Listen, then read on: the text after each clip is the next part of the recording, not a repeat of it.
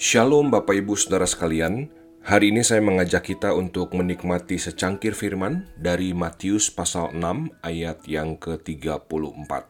Dengarkanlah firman Tuhan. Sebab itu janganlah kamu khawatir akan hari besok, karena hari besok mempunyai kesusahannya sendiri. Kesusahan sehari cukuplah untuk sehari. Berbahagialah setiap orang yang mendengarkan firman Allah dan yang memeliharanya. Haleluya. Beberapa waktu yang lalu saya berkesempatan mengambil cuti selama hampir tiga minggu.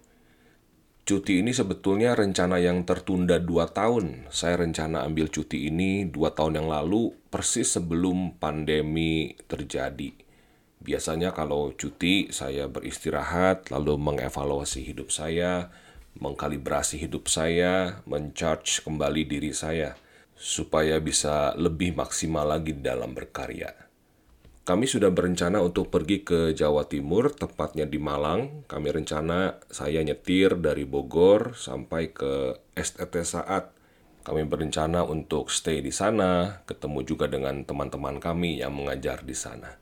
Nah, beberapa hari sebelum keberangkatan kami menuju ke Malang, saya mengalami musibah di rumah. Saya jatuh di kamar mandi. Jadi waktu itu anak kami lagi mandi, lalu saya masuk ke kamar mandi mau cuci tangan. Saya melangkah ke lantai kamar mandi yang rupanya ada sabun cair jatuh di situ dan lantai basah. Dan saya langsung jatuh mendarat pantat sebelah kiri saya. Di situ belum terasa apa-apa, saudara-saudara. Baru kerasa kaget aja. Kaget, lalu saya bangun, berasa sakit sebelah kiri. Lalu saya mau keluar kamar mandi, saya menapakkan kaki kiri saya, nggak bisa. Sakit sekali. Sampai ke ubun-ubun sakitnya. Saya paksa jalan sampai ke tempat tidur. Saya ingat banget itu hari Selasa karena ada persiapan pembimbing remaja secara online. Kebetulan waktu itu yang pimpin Yosua mahasiswa praktek, jadi saya hadir untuk mendampingi Yosua sambil menahan rasa sakit.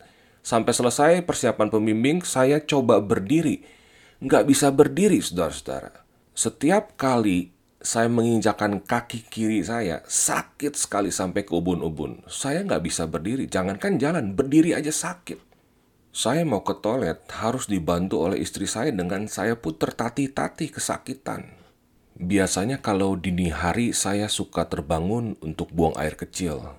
Jadi malam itu, di dini hari saya terbangun mau buang air kecil. Walaupun istri saya bilang, nanti kalau mau ke toilet bangunin ya, katanya. Cuma kok ya rasanya nggak tega juga bangunin dia yang lagi tidur nyenyak. Saya bangun jam 3 mau pipis. Akhirnya saya berusaha jalan sendiri.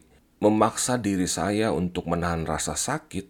Di situlah saya berpikir, wah betapa rapuhnya ya hidup saya sebagai manusia. Tadi pagi saya masih olahraga dengan gagahnya. Siang sampai sore masih bisa ke sana ke sini. Tapi lalu tiba-tiba malam hari saya jadi orang yang sangat tidak berdaya. Bahkan untuk ke toilet pun saya membutuhkan bantuan orang lain. Lalu mulailah pikiran saya ke sana dan ke sini. Gimana kalau saya Gimana kalau akibat insiden ini saya jadi paralyzed, jadi cuma bisa di tempat tidur aja, nggak bisa ke sana dan ke sini. Lalu mikir lebih jauh lagi, karena saya ada hipertensi, lalu saya mikir gimana kalau saya akhirnya jadi stroke. Nanti istri saya gimana? Istri saya nggak bekerja, siapa yang akan merawat? Anak saya nanti gimana pendidik? Wah macem-macem itu pikiran malam hari itu. Sampai tiba-tiba saya teringat ayat yang barusan saya bacakan. Matius 6 ayat 34. Sebab itu janganlah kamu khawatir akan hari besok, karena hari besok mempunyai kesusahannya sendiri. Kesusahan sehari cukuplah untuk sehari. Di momen itulah saya merasa Tuhan berbicara sama saya. Andreas, kekhawatiranmu itu nambahin apa sih dalam hidupmu? Kamu mikirin gimana besok, begini dan begitu. Sekarang juga aku kalau mau panggil kamu pulang, bisa sekarang aku panggil kamu pulang. Di momen itulah saya baru merasa tenang. Saya merasa kembali diteguhkan bahwa Tuhan yang sudah memelihara hidup saya sampai saat ini, Tuhan yang sama akan terus memelihara hidup saya dalam segala keadaan apa pun. Demikian juga dengan saudara-saudara, dengan kita semua.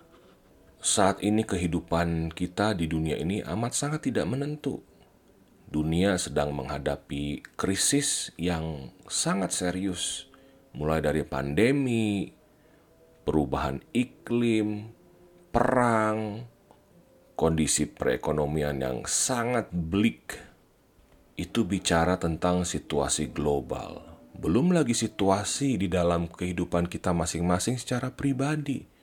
Kita yang sakit, anggota keluarga kita sakit, kehilangan pekerjaan, kita yang mau memasuki masa pensiun, dan masih banyak lagi. Banyak hal ini bisa membuat kita sangat khawatir, bisa bikin kita stres, bahkan depresi. Tuhan mengingatkan kita semua hari ini, kesusahan sehari cukuplah untuk sehari. Jangan kamu khawatir akan hari besok, karena hari besok mempunyai kesusahannya sendiri. Hari besok kumangke we. Tapi bukan dalam arti buruk ya saudara-saudara. Kumangke itu bukan berarti kita lalu hidup tidak bertanggung jawab. Bukan. Kita lakukan bagian kita dengan sebaik-baiknya. Kita bertanggung jawab mengelola keuangan kita, mengelola hidup kita, mengupayakan apa yang kita bisa. Lalu setelah itu, kumaha engkewe.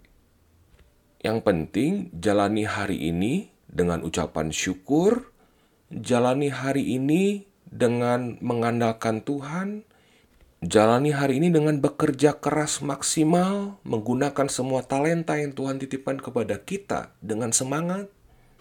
Lalu perkara besok-besok, kumaha engkewe, gimana nanti aja.